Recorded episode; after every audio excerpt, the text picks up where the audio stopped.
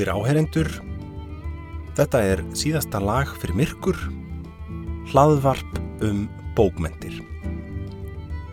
Ég heiti Hjalti Snær Ægjesson og er umsjónamaður þáttarins. Þetta er 15. þáttur og að þessu sinni ætla ég að ræða um skaldsöguna Yfir höfin eftir Isabel Allende sem útkom árið 2019 en íslensk þýving ári síðar 2020. Isabel Allende er eins og margir vita þekktur höfundur sem skrifur á spænsku hún er frá Síle og hún stundu kölluð vinsælasti spænsku skrifandi höfundur heims. Þetta er svona merkimiði sem ég getna notaður á hana og ég veit nú ekki nákvæmlega hvernig þetta er mælt en það er alveg að ljósta að hún er í fremstu röð í bókmentum heimsins og uh, hún hefur hlutið margskona viðkenningar og verðlaun. Hún hefur ekki hlutið Nobelsvelunin en alls konar önnu velun og á sér lesendur, digga lesendur við um heim. Meðal annars hér á Íslandi. Ég var að reyna að taka þetta saman, þetta er mikil fjöldi bóka og eins og staðan er núna þegar að þetta er, þessi orð eru tekin upp, sínist mér öllu að hún hafi sendt frá sér 26 bækur, þar af átján skáldsögur og ég held að þessi bók yfir höfin sé 17. skáldsaga Isabel Allende ég gæti hafa rugglast í talningunni. Er, hún hefur skrifað líka smásagnarsöfn og einnig bækur sem eru sannsögur eða ekki skáldverk. Sjálfsæfisöguleg verk. Nú síðast bókina Mujeres del Alma Mía sem er kölluð á ennsku The Soul of a Woman. 2021 kom hún. Og það er svona sjálfsæfisöguleg frásögn, eina af þeim það sem hún gengur hans í nærri sjálfrið sér fjallar um uh, sambönd sín hjónabönd áhaver bók. En uh, ég ætla að fókusera meira á skálduverkin og svona sagna heiminn heldur en höfundin sjálfan. Ég get þó sagt að Ísafél Allende er fætt 1942 í Chile og svona eiginlega sló í gegn bara með sinni fyrstu bók Hús Andanna hétt hún. Kom út 1982 þegar hún var færtug Súbók var þitt á íslensku nokkrum árum síðar kom út að ég held 1987 í þýningu Tórs Viljámssonar og síðan hafa byrst allmarga bækur þýttar á íslensku eftir Allende. Fleiri hafa tekið að sér að þýða hennar verk. Nú síðast Sigrún Ástríður Eiríksdóttir sem þýðir bókina yfir höfin og hún hefur þýtt einhverja fleiri bækur. Sigrún Ástríður er einn af þessum þýðendum sem er alltaf að og það er mikið sem liggur eftir hana. Og ég bara hreinlega hef ekki tekið það saman hvað annað hún hefur þýtt eftir ægendi þannig að auðvitað að komast að því en það er eitthvað fleira sem liggur eftir hana ásamt mörgum öðrum verkum. Skaldsagan yfir höfin heitir á spænsku Largo Petalo de Mar sem að myndi þýða svona bókstála þýtt langt krónublað við hafið. Uh, á ennsku er hún kalluð A Long Petal of the Sea. Og þetta er tilvittnun í Pablo Neruda skáldið frá Chile. Er bara metafóra fyrir landið Chile. Uh, vegna þess að Chile er langt og minnir á krónublað svona á einhverju einhverju trí eða júrt sem hefur laung krónublöð og er auðvitað með hafið þarna öðru megin og fjöllin hinnum megin. Pablo Neruda er í algjöru uppáhaldi hjá Isabel Allende. Hún eh, vittnar gerðnan í hann í sínu verkum en hvergi þó eins mikið eins og hér. Í þessari bóku er sem sagt titillin fenginn frá Neruda. Hann er sjálfur persona í bókinni og þar þau ekki hefjast allir kaplar bókarinnar á tilvittnun í ljóð eftir Pablo Neruda þjóðskald Chile. Nú, uh, Isabel Allende hún uh, býr í bandaríkunum, hún hefur búið þar uh, síðustu já, frá 1987 held ég. Og býr í Kaliforníu, ekki langt frá San Francisco. Og á bandarískan eiginmann, átti annan bandarískan eiginmann á undan honum sem hún var gift í tæplega 30 ár. Og hún hlaut bandarískan ríkisborgar rétt af ég held 1993. Þannig að hún er bara, hefur sagt, búið í bandaríkanum. Hún er flótamaður, hún er pólitísku flótamaður frá Chile. Hún flúði landið eins og kunnugt er eftir að herfóringi uppreist Augusto Pinochet var gerð 1973 og sá atbyrgur kemur oft við sögu í bókumennar og einni hér. Ísabel Allende er að sjálfsögðu frænka Salvador Allende sem var fórseti Chile. Ég glemdi að finna nákvæmlega skildleikan en ef ég mann þetta rétt þá var sagt, Salvador Allende og fadir Ísabel Allende voru uh, sískinaböld, bræðra sínir, eitthvað slíkt. Uh, þetta er náinn skildleiki og um, það var sem sagt ekki að ástæðu lausu sem hún yfirgaf landið, bara einfallega af óta um lífsitt. Og hér er fjallað um flótamenn, um flóta frá Evrópu til Chile og um, að mörguleiti persónulegt verk. Uh, þetta er sem sagt söguleg skáltsaga sem spannar langan tíma og þetta er svona eitthvað sem er kannski hægt að kalla kynnslóða sögu.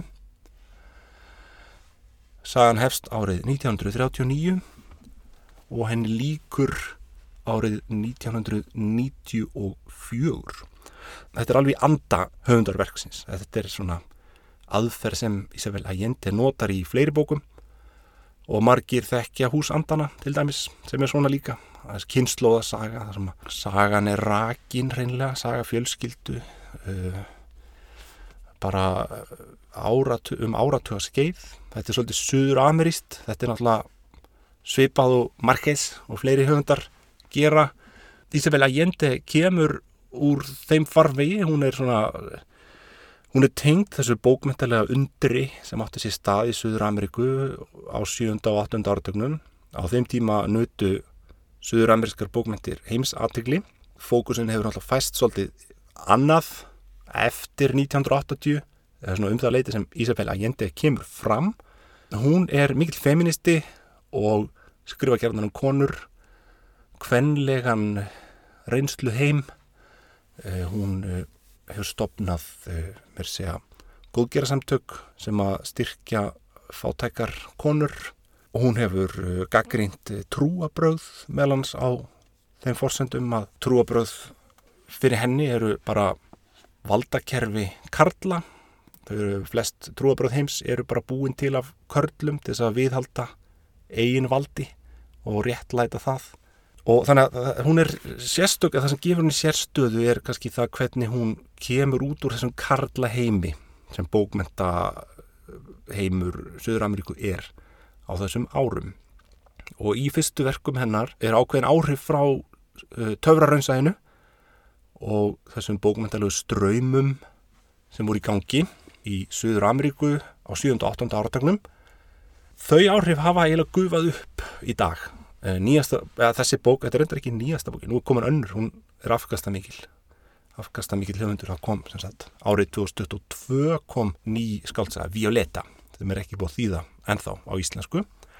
Það búið þýða mikið eftir hann eins og ég sagði, það er ég man ekki hversu margar en það er meiri hlutin það er ekki alveg allar, það vantar nokkrar en meiri hlutin af skáldverkum hennar er til í íslenskri þýðingu. Maður hefur séð svolítið í umfjöldlun um þessa bók og í dómum að hér sé eins og Ísafél að Jendeg sé komin aftur til upprunans. Þetta sé svona bók sem er svolítið anda uh, fyrstu bóka hennar.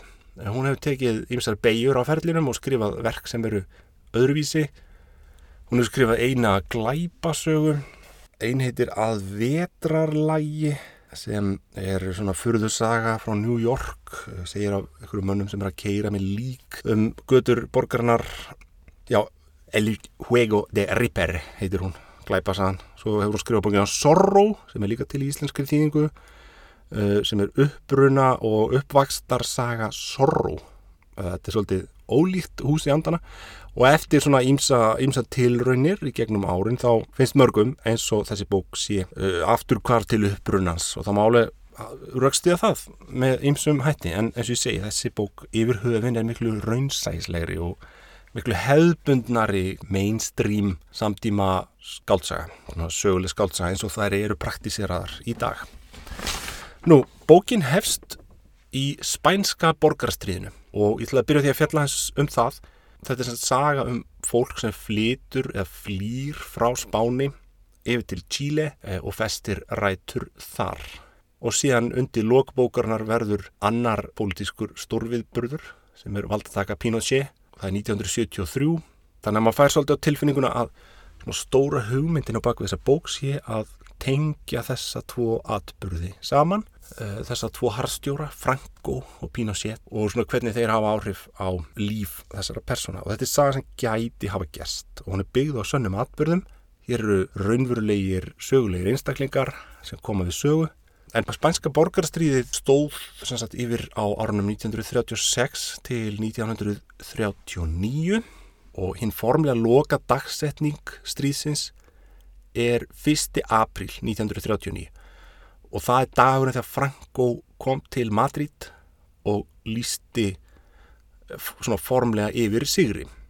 En það var hins vegar orðið ljóst miklu fyrr í hvað stemdi og sigur líðveldis sinnana var í raun orðin ómögulegur seint árið 1938 alveg nokkru mánuðum áður. Það var þessi stæsta orusta strísins, stæsta og lengsta orusta strísins sem er bardaginn við Ebro-fljótið 1938, stendur yfir frá júli til november það ár og eh, síðan sagt, í e, í hérna, árslokk 1938 þá eru fasistarnir búin að ná öllum völdum í Katalóni og þeir taka höfuborgina Barcelona þann 27. janúar 1939 og þetta var kannski hinn raunverulegi endapunktur strísins vegna þess að líðveldi sinnarnir höfðu hópast saman og flúið til Katalóni Katalóni var svona eins konar víi líðveldi sinnana það eina sem eftir stóð. Og eftir að Barcelona var sigruð þá var þetta í raun og veru búið. Það var ekki neina önnur hús að venda á spáni og upphófst gríðalegu ströymur flottamanna frá Katalóni. Nú það var bara einn flottaleið sem stóð til bóða og það var til Fraklands, sem sagt yfir Pírnæðafjöllin.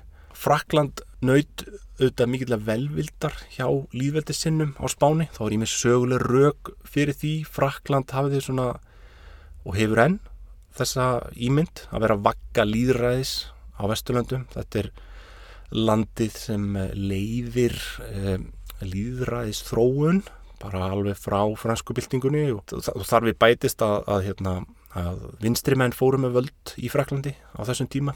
Nú, eh, Frakland hafði ekki tekið beinan þátt í spænsku borgarstyrjöldinni. Afstafa franskara stjórnvalda var bara hlutleysi eh, en, en það var samt sagt, frönsk yfirvöld höfðu vissulega gert ímislegt til að veita óbeina aðstóð kannski eh, lífveldisinnum til að mynda fengu lífveldisinnarnir megnið af sínum vopnum frá Fraklandi þau komu yfir frönsku landamærin. Þeir var smiklaðinn í stórum stíl eh, og Fraklandstjórn gerði ekkert mikið til að hindra það beintir svona blinda auganu að þessu. Að samaskapi voru fasista stjórnir í öðrum löndum auðvitað á bakvítjöldin að styðja fasistana sem sagt Franco. Þetta var einhvers konar upphittun fyrir stríði sem var að hefjast setni heimstyrildina og um, eins og ég segi, eftir að Barcelona fjall hann í lók januar 1939 þá blasti það við að flótamannaströymurinn til Fraklands myndi fara af stað. Og frakkarnir höfðu vissulega reikna með því löngu fyrir að eitthvað svona geti gæst ef Franko myndi vinna stríðið. Og það var 28. janúar sem frönsk yfirvöld gafu spænskum borgurum heimild til að koma inn í landið og nokkur undur setna, þar segja þann 5. februar þá var þessi heimild útvíkuð og náði þá ekki veginn til borgara heldur einni til lífveldi sinnaðara hermana og þannig að þetta var eitthvað sem lág alveg fyrir og fólk vissi að myndi gerast en það sem frakkarnir höfðu hins vegar ekki alveg reiknað með var kvíliku fjöldi flótamanna þetta var. Vorið 1939 gerist þetta og bara á örfám vikum í rauninni þá kemur tefnilega hálf miljón manna yfir landamærin til Fraklands. Og yfirvöldi í Fraklandi búið yngavinn í stakkbúin til að taka á mótu öllu þessu fólki og kerfið hreinlega sprakk í loftu. Neiðar úrræðið sem er greipið til var uh, að það voru settir upp stórar flótamannabúðir þarna í Suðu Fraklandi. Það sem fólk þurfti að búa vikum saman eða mánuðum saman við alveg hrikalar aðstæður. Í spænskri sögu þá eru þessi miklu fólksflutningarnir einfallega kallaðir la retirada eða undanhaldið. Og þetta var erfið og hættuleg ferð yfir, Frakland, eh, yfir til Fraklands flestir fóru fótgangandi yfir Pýrinæfjöllin þetta var um hávetur í frosti og snjó. Sömur fóru á velgnúnum aukutækjum svona eins langt og þau náðu fólk hafði sáralítlar vistir auðvitað og lítið að drikjar vatni og herrdeildir Frankós letu síðan sprengjunum rigna yfir þessa lungu halarúi oftar en einu sinni. Og því sama gerðu ítalskir fasista bræður þeirra. Og það segir sér sjálft auðvitað að það fjöldi fólk sem komst ekki alla leið yfir til Fraklands. Nú en það er sem sagt í þessum flótamanna búðum eiginlega sem sagan byrjar og þetta er uh, þetta er svolítið glemdur atbyrð, það er svona á síðustu árum sem að afkomendur þessa fólks, sem sagt spánverjana sem að flúði til Fraklands hafa svolítið verið að halda þessum atbyrðum á lofti. Það, það eru þarna tvö stríð sem ramma þetta inn, það að segja þarna er spænsku borgarastyrjöldinni að ljúka og setni heimstyrjöldinni er að hefjast. Þannig að í sögunni hefur hafa þessir atbyrður svolítið glimst.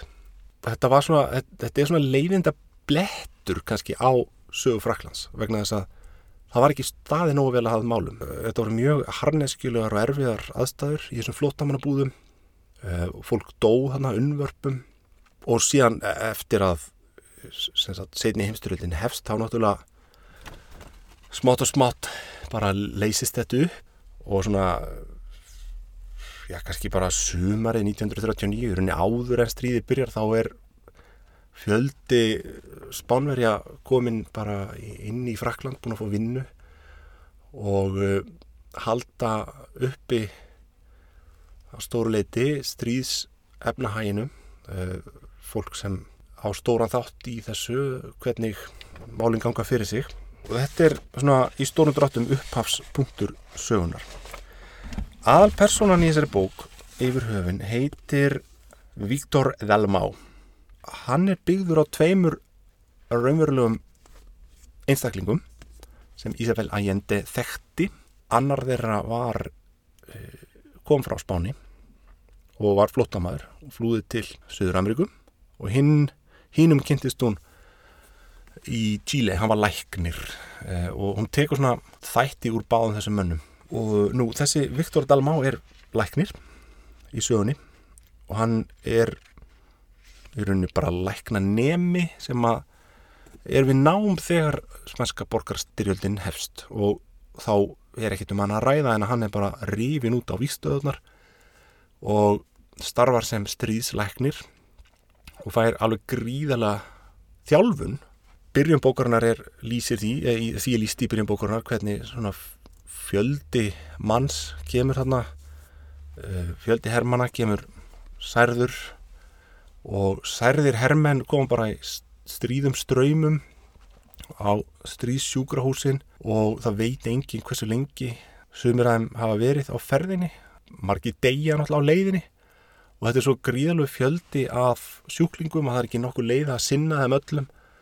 Það er svona þarf að forgangsraða eh, þeir sem eru bara of ídlast lasaðir þeim er bara ekkit sint það er ekki hægt því miður, það er bara of mikla líkur á að degi, það þarf að uh, nota þá kraftana uh, til að sinna hínum. Þarna kemur mjög nákvæm lýsing á þessum aðstæðum. Og Isabel Allende er mjög hún er búin að undibúa og rannsaka þetta, þessar sögum mjög vel. Mikið smáatriðum í þessari sögum sem eru svona gera hann svolítið hillandi Nú, Viktor Dalmá á bróður sem heitir Willem Willem og hann er herrmaður nú þeir eru svolítið svona andst, svolítið andstæður kannski, annar þeirra er læknir og hinn er hermaður, annar vinnur við að drepa og hinn vinnur við að lífka bróðurinn á eiginkonu sem er ólétt, hún heitir Raser og síðan deyr Guillem í orustunni við Ebrófljótið og eh, örlaugin haga því þannig að Viktor og mákona hans, Roser, þau flýja þarna saman. Þarna bara verður til lítil fjölskylda í skugga stríðsins og uh, það er þessi flótti sem er sagt frá hér. Um, þar er uh, Pablo Neruda líkil maður og þetta eru raunverulegir atbyrðir sem þarna er líst. Og ég dreg ekki efa að þetta sé meir og minna sannleikanu samkvæmt og Ísabel Allende hefur líst í viðtölum hvernig hún þurfti í rauninni ekkit að semja þessa sögu, hún bara hún bara slóið inn, þetta lág allt fyrir. Allir þessir ótrúlega dramatísku atbyrðir uh, liggja fyrir í heimildum. Og hún er í rauninni ekkit að búa neitt til uh, eftir því sem hún segi sjálf. Og ég treysti því að hún uh, þekki Pablo Neruda mjög vel og hans verk, hún, hún kynntist honum persónlega og hún er mikil aðdándi og hefur sagt frá því hvernig hún les hans ljóð alltaf til að koma sér í rétt ástand fyrir skrif.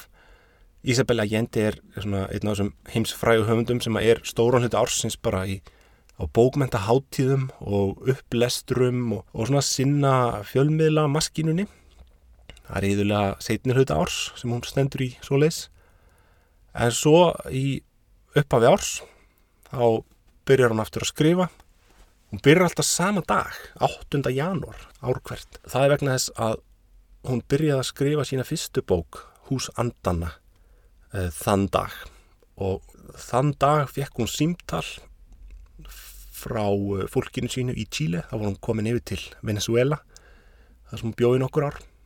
E, og í símtalunum kom fram að afennar væri döðvona og hún náttúrulega gæti ekki farið yfir til Chile til að hveðjan og hún byrjaði að skrifa þennan sama dag. Nefna hvað, að, nú er komin aðeins út úr efnið en sem sagt hún uh, notar alltaf sögum leið að því hún býr í bandaríkunum, hún hugsar og vinnur á ennsku og þegar hún er í viðtölum og svona í fjölmiðla stúsi þá er það náttúrulega meira að minna á ennsku hún á ennskan eiginmann og hún er bara í þessu bandaríska umhverfi í Kaliforni en hún skrifur á spænsku og til þess að svona dusta ríki af spænskunni þá hefur hún vanið sér á það að lesa spænskan kveðskap spænsku ljóð í svona eina-tvær vikur áður hún byrjar að skrifa. Og þá er það íðurlega Pablo Neruda sem er, kemur mest við sögu. Hún les mest eftir hann. Nú um, aðeins um Pablo Neruda, hann var hann heimsfrægur þannig að bara um þrítugt ungu maður. Og nöyt uh, hilli víða um heim fyrir bókmentir, fyrir, fyrir sagt, skrif sín.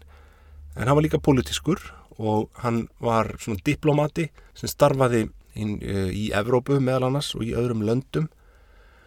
Og honum náttúrulega sárnaði eins og mörgum öðrum að horfa upp á þessa hríkalu atbyrði þarna í spænska borgarastríðinu. Og þar dói margir vinir hans skáldbræður, útgefendur, þýðendur uh, hann elskaði spán og spænska menningu og það var svona að þessum persónlu rótum sem hann tók það upp hjá sjálfum sér að sannfæra yfirvöld í Chile um að fá flottamenn yfir til landsins frá spáni. Það gekk svona brösulega, skulum við segja. Það var ekki alltaf mikil áhuga á þessu að fá bara á einu bretti risa hóp af flótamönnum sem voru meira meina rótæklingar í þokkabót, líðveldi sinnar sem sagt, kannski svona erfiðir einstaklingar í pólitískum skilningi, en þetta þróast hannig að Pablo Neruda fær grænt ljós frá yfirvöldum í Chile til að fara yfir til Fraklands og sapna saman uh, fólki, spænskum flottamönnum og sigla með þá til Chile en hann fær líka svona vinsanlega tilmæli um að helst að velja sko yðnaðmenn og rafvirkja og smiði og svona fólk sem gerir eitthvað gagn. Ekki skáld eða hugsuði svona ekki fólk með hugmyndir bara svona viðráðanlega þjóðfélagsþegna. Það voru ordrunnar sem hann fekk og hann fekk enga peninga. Hann þurfti bara að retta sér sjálfur. Og það gerir hann, hann fer til Fraklands og sapnar fjö til þess að kaupa þetta skip sem heitir, heitir Winnipeg og það var fraktflutningaskip. Það var ekki ætla til fólksflutninga sagt. Það var ekki nema kannski 40-50 rúm í skipinu bara fyrir áhöfnina. Á öðru liti var þetta flutningaskip og það þurfti því að sér innretta skipið með bettum og alls konar aðbúnaði til þess að flytja fólk Nú þetta er allt sem að gert og það eru rúmlega 2000 flótamenn sem eru fluttir á Winnipeg frá Fraklandi yfir til Chile og þeir koma til Chile sama dag og setni heimstörildin byrjar. Þetta er ótrúlega dramatískir atbyrðir og hérna, skiljanlegt að skáldsagna höfundur eins og Isabel Allende heitlist að þessu. Þetta er svo hendugt tækifæri til að láta þessa tvo heima spekla hvernig annan. Suður Amriku og Evrópu. Eh, nú, og því ég líst í bókinni hvernig eh, Pablo Neruda velur þetta fólk og hann fer ekkit eftir þessum fyrirmælum sagt, hann velur líka hann velur ekki bara yðnaðar menn og svona fólk sem gerir beint gagn í raunhagkerfinu heldur velur hann líka skáld og fræðimenn og alls konar fólk sem hefur hugmyndir, hefur skoðanir og þetta var auðvitað fólk sem það þurfti að flýja heimaland sitt vegna skoðana sína. Og það hefur verið algjörlega galið að, velja svo bara hugmyndalausasta fólkið. Og það, það er sem sagt forgangur á fjölskyldur og það er verður að vera þannig. Einstæðingar eru svona já þetta eru sem sagt yfirleitt karlmenn sem koma hann í viðtal og gera grein fyrir sér segja frá starfsferli sínum, reynslu og mentun og uh, Viktor Delmá er einn af þessi fer inn á kontór til Pablo Neruda og sagt, í þeim tilgangi að fá að fara yfir til Chile. Vandamáli er að hann er ekki giftur og hann á ekki fjölskyldu. Þannig að hún tekst að samfara Roser, eiginkonu sína, nei, afsakið, mákonu sína, um að giftast sér. Og það gengur eftir. Þau giftast e, þarna í snatri og engungu í þeim tilgangi að komast yfir til Chile. Það er engin ást í spilunum og þau halda því opnu allan tíman að, að sé að munu þau bara þegar þar að kemur flíti aftur til spánar og þá bara skilja þau og, og fara sitt ykkur áttina. Þetta er bara gert þess að bjarga, þau gera þetta bara til að bjarga lífi sínu. En svo þróast þetta sagan á annan veg. Franko er náttúrulega við völd þarna alveg til 1975, næst í 40 ár og í, í þessari skáldsögur þessu líst hvernig þau vaksa saman og þróast um, ástinn uh, kviknar hægt og hægt já en Winnipeg fluttningarnir eru þarna ákveðin kjarni í þessari sögu. Isabel Allende er telur að það hafi verið gríðarleg liftistöng fyrir Chile að fá þetta fólk. Eftir því sem hún segir þá er staðan þannig í dag í Chile að allir eða flestir þeir ríkisborgar Chile sem að hafa náð lengst mótað samfélagið hvort sem það eru rítöndar, fræðimenn, læknar bara alls konar fólk. Þetta fólk hefur þetta, þetta fólk er sagt, með katalónsk eftirnöfn, þetta eru afkomendur fólksins sem kom e, frá Spáni, þarna með Winnipeg. Og áhugavert að sjá hvernig þetta er gert sko, það, og vekur upp spurningar um hérna, um innflytjendur og flótamenn og Pablo Neruda sem sagt fer þá leið að hann tekur ekki bara einn tildingið þjóðfélagshóp heldur er þetta einhvers konar þverskurður af samfélaginu, eða minnst kosti af e, þessu útlaga samfélagi sem var hann í Fraklandi og þetta fólk hefur auðgað landið alveg ósegjanlega mikið bara á þessum áratugum sem eru liðnir síðan.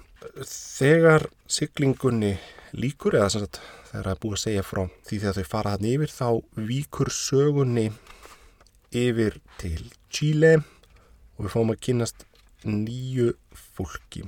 Þetta eru hjón sem að heita Isidro del Solar og kona hans Laura del Solar. Uh, Isidro er svona atvinnureikandi, hann er útflytjandi, hann selur, uh, flytur út ull til Evrópu og þau eru þannig um borði listiskipi. Þetta eru svona kapitalistarnir í sögunni og strax kominn svona ykkursk konar um, andstæða. Uh, og það líkur auðvitað ljóst fyrir um leiðum að byrja að lesa þetta að leiðir þessar fólks munu líka saman á einhvern nátt, það er ekki ljóst alveg strax en verður ljóst uh, smátt og smátt. Dóttir þeirra heitir Ófelia og þau sem sagt kynnast uh, Viktor og Ófelia og verða ástfangin þetta er náttúrulega hættu spil vegna þess að hann er fátækur og rótæklingur orðin ástfangin hérna af um, dóttur efnaðs hærimanns þetta er ást sem að á kannski litla möguleika. Uh, ég fór aðeins að hugsa um uh, svona vitundra miðju sögunar sagt, hvernig, hver talar og hversu mikil vittneskja er uh, til staðar? Þetta er svona vandamál sem höfundar sögulegra skaldsakna þurfa alltaf að takast á við. Þeir þurfa að annarkort tala já, frá sjónarhóli samtíma síns og sem þið gera alltaf að einhver leiti og við í dag vitum miklu meira um heiminn heldur en fólk gerði árið 1939 og spurningin er á maður að gera sér upp vannþekkingu til þess að tala í anda þess tíðaranda sem er verið að lýsa? Eða á maður að tala úr hinnu vísindarlega hásæti 2001. aldarnar það er kannski hægt að fara eitthvað milliveg og það er það sem hún þarf að gera hérna Isabel Allende. Hún um, lætur stundum glitta í framtíðina og Salvador Allende er sjálfur persóna í bókinni, hann kemur hérna fyrir. Hann er upprennandi stjórnmálamæður og, Viktor Dalmau kemur yfir til Chile og kynnist um, alls konar skoðanabræðurum sínum, hann fylgist með pólitík og margir eru líka áhersamur um að kynast honum. Því hann kemur frá Spáni og var þarna í þessum hrikalegu aðstæðum í stríðinu og einn af þeim sem leita til hans er Salvatore Allende og þetta er orðað svona Allende hafði af brennandi áhuga fylst með sigri spænska lífildisins uppreistn hersins, ósigri líðræðisins og innræðinu sem Franco kom á líkt og hann fyndi það á sér að hann ætti sjálfur eftir að láta lífið í svipuðum átökum í sínu eigin landi. Tilutni líkur. Þetta er 1940 sem þetta var að gerast. Uh, hann er náttúrulega síðan drepinn þarna 33 árum síðar uh, þegar Pinochet kemur. Dæmið það hvernig Ísabel Allende leifir sér að svona gæjast inn í framtíðina stundum. En personurna sem er á sviðinu náttúrulega vita ekkit um þetta. Annað dæmi er hérna að lýsa sveitinni að því að Ófelía, dóttir uh, kaupsíslumannsins, hún þarf af vissum ástæðum að fara út í sveit í, í felur, setna í bókinni og þessu er lýst svona. Sólinn settist snemma og köld og dimm kvöldin urðu eilíðalung. Þær vöfðum sér teppum og kveiktu upp í kólopnum til að halda sér hýta. Þær lístu upp með kertum því að enn voru mörg ár til ramagn kæmi á þessar fjarlægu slóðir. Tilutnum líkur. Sem sagt, Uh, hún veit að ramagni kemur á þarna eitthvað með setna en það er langt þángu til það gerist aftur dæmið það hvernig það glittir í framtíðina þannig að uh, hér er greinilega svona alvitur sögumæður sem talar en svo er spurning með sumt annað, ég tók til dæmis eftir því að Isidro del Solar og Laura kona hans, þau eiga nokkur börn, það held ég fimm börn og yngsta barnið er uh, þroskaheft á einhvern nátt það kemur fram að hann er ég, það er svona látið í það skína að það sé mongolíti eða að minnstakosti barn sem glýmir við þroska skerðingu en það er ekki sagt nákvæmlega hvers eðlis hún er og þar er aftur á móti eins og sögumadurinn eh, taki á sig svona þekkingar ástand uh, fortíðarinnar og lýsir bara þroska skerðingu batsins á þann hátt sem fólk hefði gert á þeim tíma. Þannig að það er eins og sögumadurinn eða vitundar miðja þessara sögu, við viti ekki alveg hvort hún vilji vera á 21. öld eða 1940. Nú sagan gerast á löngum tíma og það er svolítið um það personur hverfi og komi aftur uh, ég nefnið sem dæmi Karmi sem er móðir Viktor Dalmá þau yfirgefa hana þegar þau fara frá spáni og þau viti ekki hvort hún er dáin eða hvort hún lifir af og uh, lifa árum saman í óvissu ástandi og svo lungu setna dúkar hann upp og er á lífi, hefur bara haft ágætt eh, búin að eh, eiga glæsilegan feril sem smiklari í Andorra. Alls konar skemmtilegar uppákomur og þetta er náttúrulega auðvitað, svona var heimurinn áður en internetið kom og við urðum sítengt og gáttum alltaf uh, fylst með öllum alltaf. Þetta gerist auðvitað hjá mörgum. Fólk lifði kannski árum saman í óvissu um það hvort ástvinir hefðu lifað eða dáið eða hver staða væri. Sérstaklega í svona ástandi eins og stríði og uppreysnum eins og ég segi þetta er langur um, ferill sem er líst hérna og Viktor Dalmá er hann er svona alpersona sögunar hann er á sviðinu allan tíman hann uh, lifir konu sína, Roser og er á sviðinu þarna í lók bókarinnar. Hann lifir af ofsóknir Pinochet, lendir í þeim sjálfur. Og uh, þarna sagt, kemur líka uh, þetta spursmál um flótamenn sem kemur svo oft í sögu í hérna, bókmentum um flótamenn það er að segja hvar á ég heima? Hvert er mitt heimaland? Og spátn er auðvitað þeirra gamla heimaland en uh, þau flytja burt og festa rætur í nýjulandi og svo verður þarna rúmlega 30 árum setna önnur uppreist eða uh, þegar Pinochet kemur um, þá bregða þau á það ráð að flytja aftur til spánar og eru þar í nokkur ár. En þá er spátn orðin allt annað en að var. Gamla landið er farið og kemur aldrei aftur. Um, og Ísabel Allende hefur líst þessu sjálf. Uh, hún er sjálf flótamaður hún um, fer stökur sunnum í heimsók til Chile og allt gott að blessa með það en þetta er ekki sama landið og hún yfirgaf. Landið hefur breyst og, og hún er útlendingur þar sem hún býr en hún er líka útlendingur í gamla landinu. Og þetta er það hlutskipti sem þau upplifa þarna eh, Roser og Viktor. Því líst hvernig hvernig þau eru bara utan gáta á spáni eh, líka. Þannig að svona tvöföld flótamannasaga kannski, getur við sagt nú, en ég ætla ekki að rekja eh, feril sögunar, ég ætla ekki að rekja atbyrðina, þetta er svo viða mikil saga að það væri í daldið flókið að gera það. Ég ætla ekki að koma með spoilera að þessu sinni eh, fyrir þá sem vilja lesa söguna. Þetta er viðbúrarík saga og ekki til að tegja lopan, það er alltaf eitthvað í gangi. Man fær svolítið á tilfinninguna, ef ég á gaggrina eitthvað, að hérna, þá fær maður svolítið á tilfinninguna að þetta sé um, bara sko típunar, eða personunar eru svolítið, típur. Um, þetta er ekki mjög djúpar eða floknar personur kannski. Uh, megni af þeim eru bara frekar einhliða svona stereotypískar manneskjur sem hafa tiltekki hlutverki í sögunni.